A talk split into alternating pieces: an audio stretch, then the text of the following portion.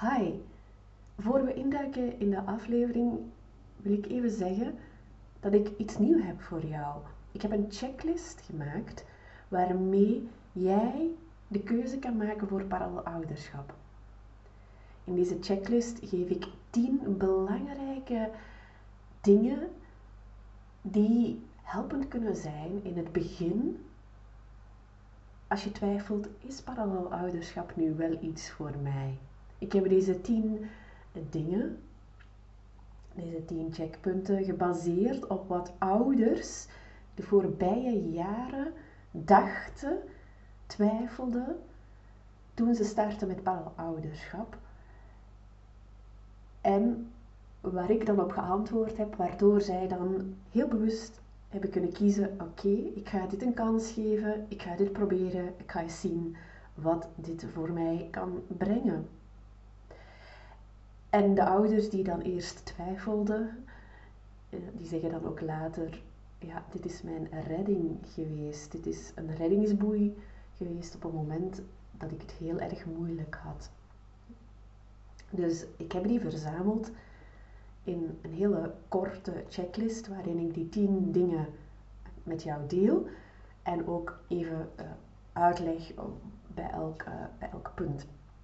Dan kan jij kijken van oké, hoeveel van die tien kan ik hier aanchecken?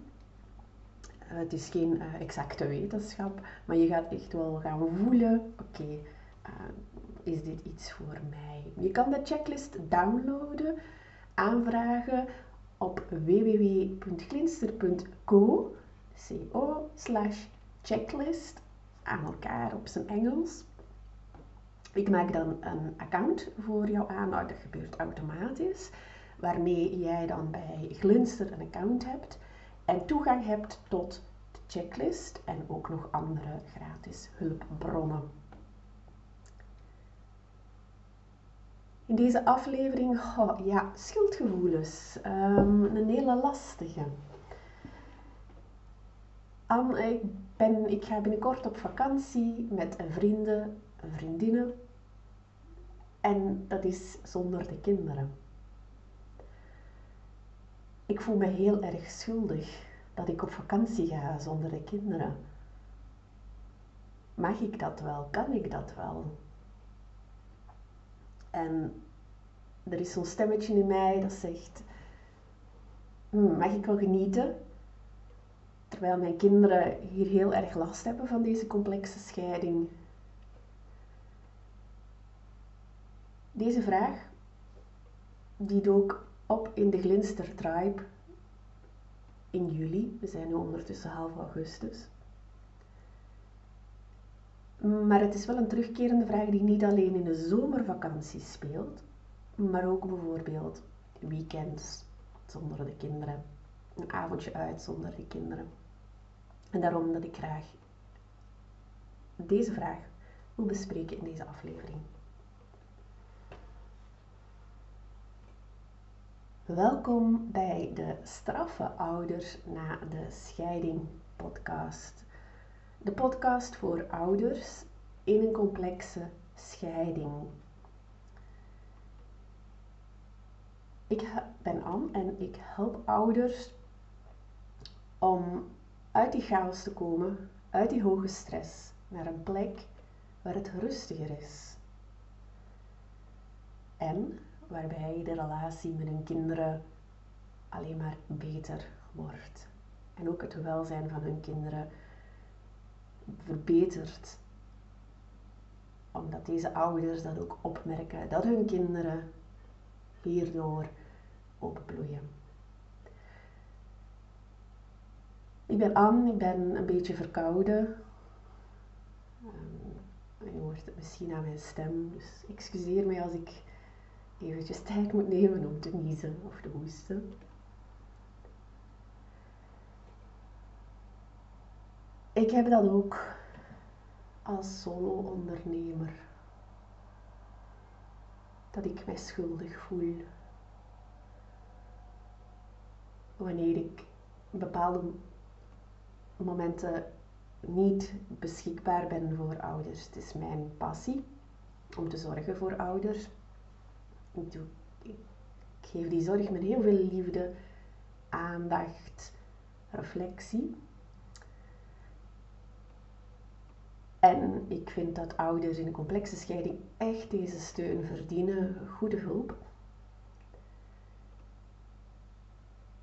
Ik ben solo-ondernemer, dus dat wil zeggen dat ik het grote deel van het werk alleen doe.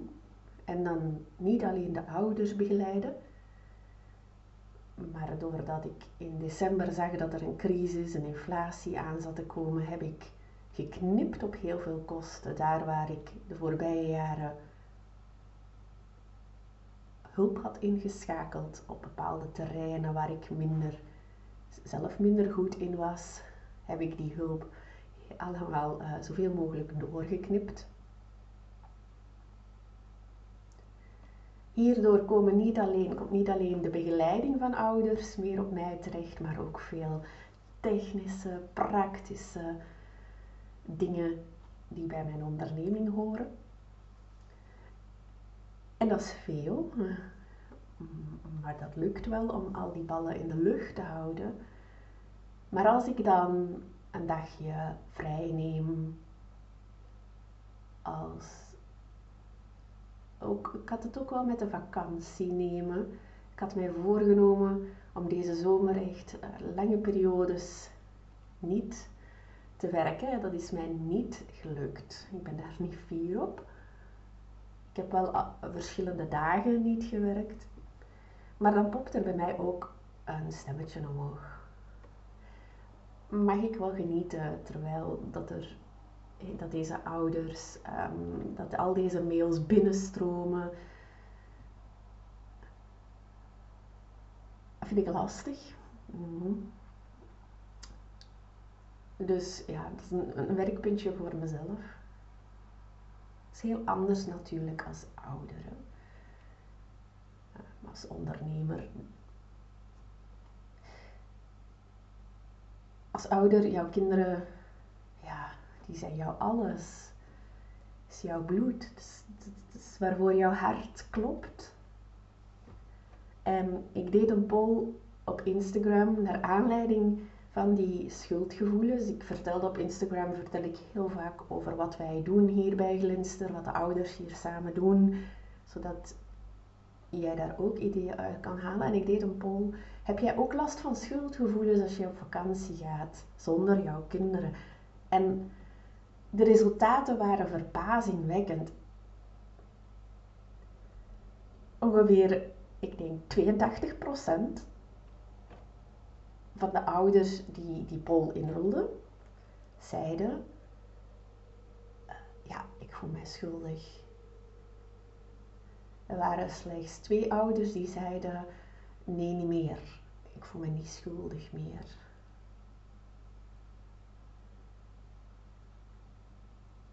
En dat was verbazingwekkend, omdat ik bij de ouders die ik begeleid een ander percentage opmerk. En daar wil ik het vooral dan in deze aflevering met jou over hebben. Ik ga daar enkele gedachten over delen, over wat dat de ouders precies doen met zo'n schuldgevoel. Hoe komt dat zo'n schuldgevoel? En ja, dan ga ik je drie tips geven van hoe dat ouders dat bij Glinster doen met die schuldgevoelens.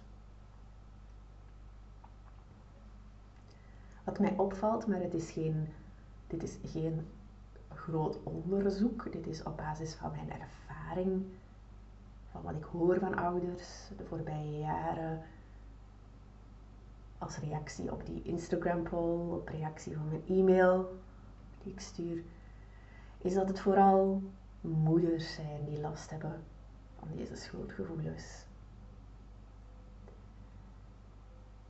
En ik denk dat er iets biologisch in zit en misschien ook iets cultureel over deze moederfiguur en de rol als moeder hoe dat je de zorg opneemt voor jouw kinderen en alles opoffert voor de kinderen. En zolang je kinderen gelukkig zijn, ben jij ook gelukkig. Nu, dat geldt voor vaders ook. Hè?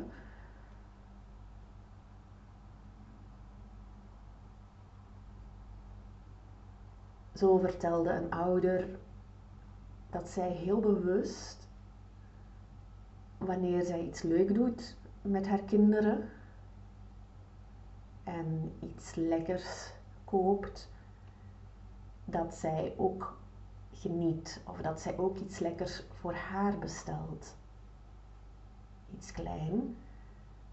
En dat zij daar dan aandacht aan schenkt, dat zij dat dan ook aan haarzelf gunt, iets lekkers.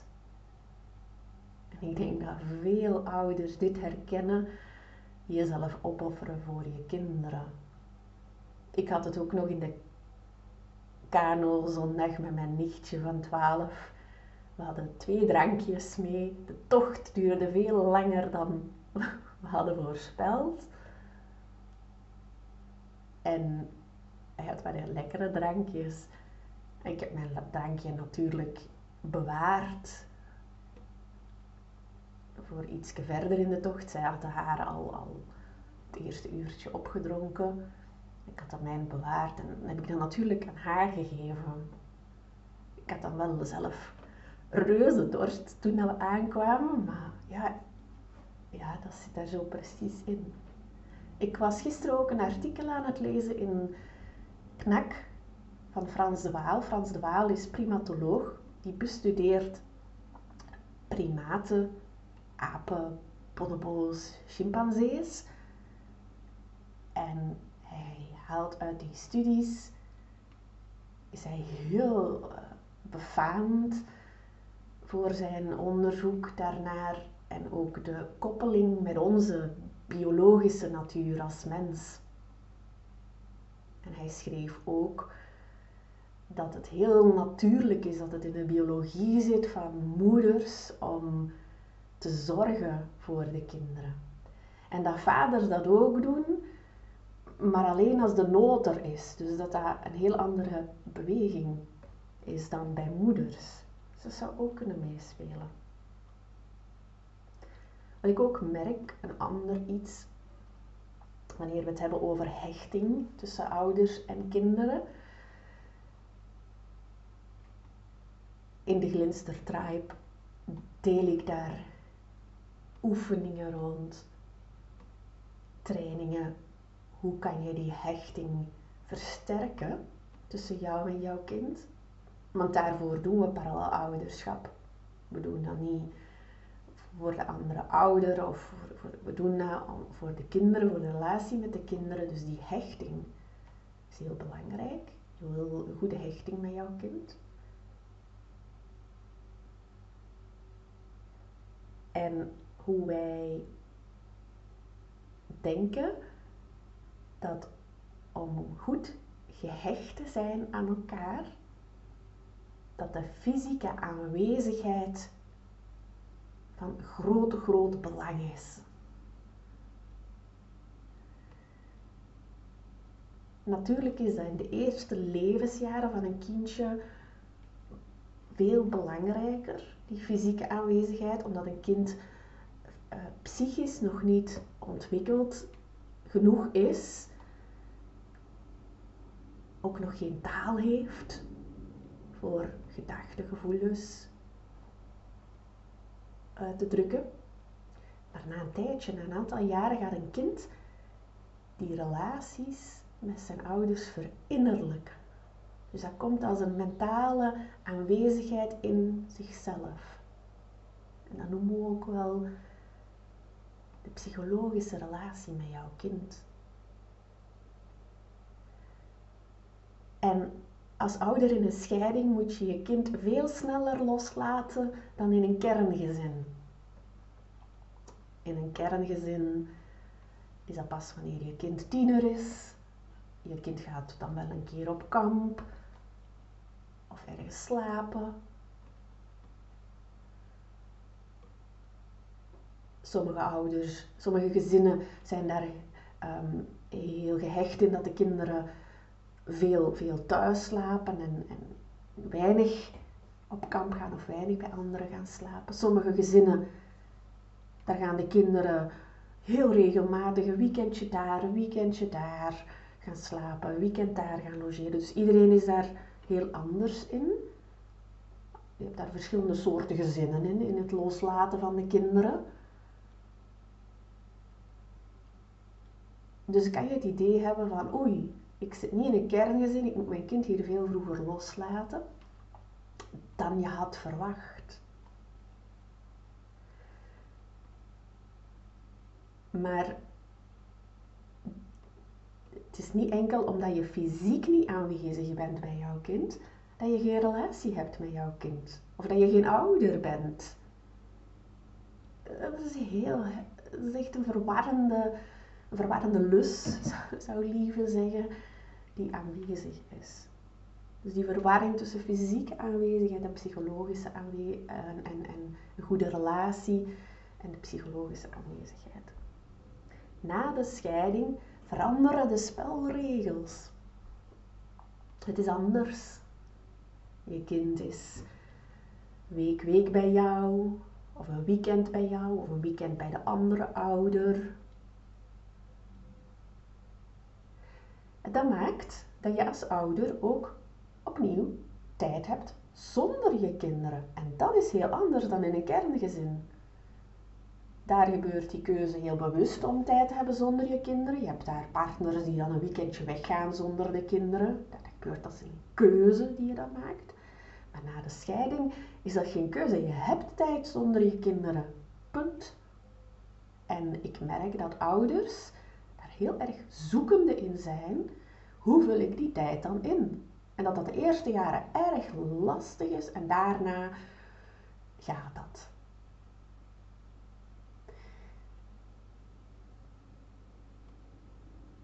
Dus je hebt tijd zonder je kinderen.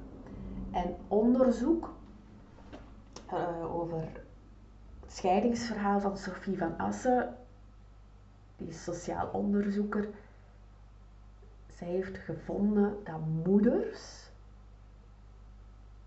die de kinderen na de scheiding niet voltijds hebben, dus die tijd hebben voor, zonder de kinderen, gelukkiger zijn dan moeders die de kinderen voltijds hebben na de scheiding. En nu was er een ouder en ik vertelde dat een, een anderhalf maand geleden en ze zei, oh, ik behoor daar dan toch niet bij, zei ze. En een maand later uh, was deze ouder op vakantie geweest zonder de kinderen en ze zei, dit gaat vanzelfsprekend. Dit is, dit is gewoon vanzelf gegaan, ik heb me niet schuldig gevoeld. Terwijl ze eerst dacht, oh, rottig. Ga ik dat, oh, wil ik dat wel? Dus dat heeft mij geleid tot drie tips van hoe doen ouders dat hoe doen wij dat? En, en die ik aan jou zou willen meegeven als jij last hebt van schuldgevoel tijdens de tijd, bij de tijd zonder jouw kinderen, om iets leuk te doen, om iets te doen voor jouzelf, een hobby, een uitstap. Genieten. Nu, het kan zijn dat je zegt, oh, ik vind deze tips niet concreet genoeg. Dat is heel logisch, want ik praat hier algemeen. En de weg van welzijn die is best wel ingewikkeld. Dus om dat concreet te maken, ja, dat is precies waar ik ouders in begeleid. Ik weet wel dat heel veel ouders, heel veel luisteraars sterk zijn in reflectie en dit wel kunnen toepassen op zichzelf. Hoe doen ouders dat? Mijn tip nummer 1. Zij delen verhalen over hoe lastig het is. Ze vertellen dat hier bij Glinster. Ze vertellen dat in hun netwerk. Dat het lastig is om je kinderen niet bij jou te hebben. Dat je mis na de scheiding. Dat ze het lastig vinden om te genieten Wanneer ze weten dat de kinderen last hebben van die scheiding, daar de dupe van zijn. Ze verdelen die verhalen. Dat is punt 1. Heel krachtig.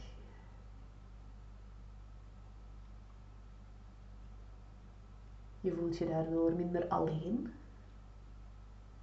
meer begrepen, minder vreemd, Puntje 2. Kijk, dat verhaal delen, dat neemt de pijn niet weg.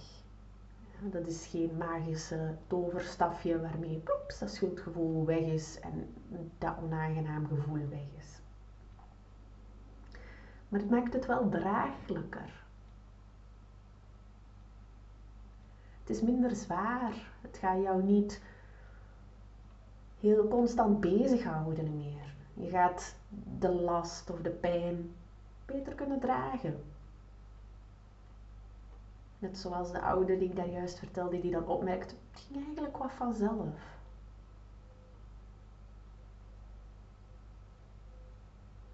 En de derde tip. We hebben nogal de neiging om wanneer we iets onaangenaam voelen, om dat ofwel weg te duwen, niet bij stil te staan, afleiding te zoeken, vluchten in het werk, in, in hobby's of andere dingen.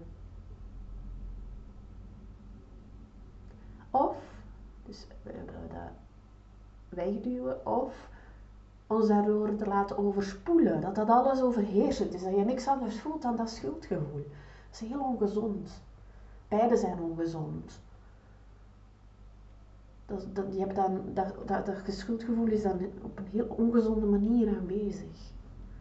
Dat wegduwen, je zal misschien er minder last van hebben, maar op lange termijn komt dat dan toch in volle kracht dan ineens boef. Valt dat aan. Dus mijn derde tip is, ga het voelen. Ga het ervaren, het onaangename gevoel kan je het er laten zijn. In plaats van het weg te duwen of jezelf daardoor te laten overspoelen.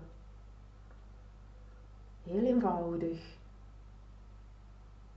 Dat hoeft geen diepzinnig gedoe te zijn. Gewoon voelen, wat is er in mijn lichaam hier en nu aanwezig?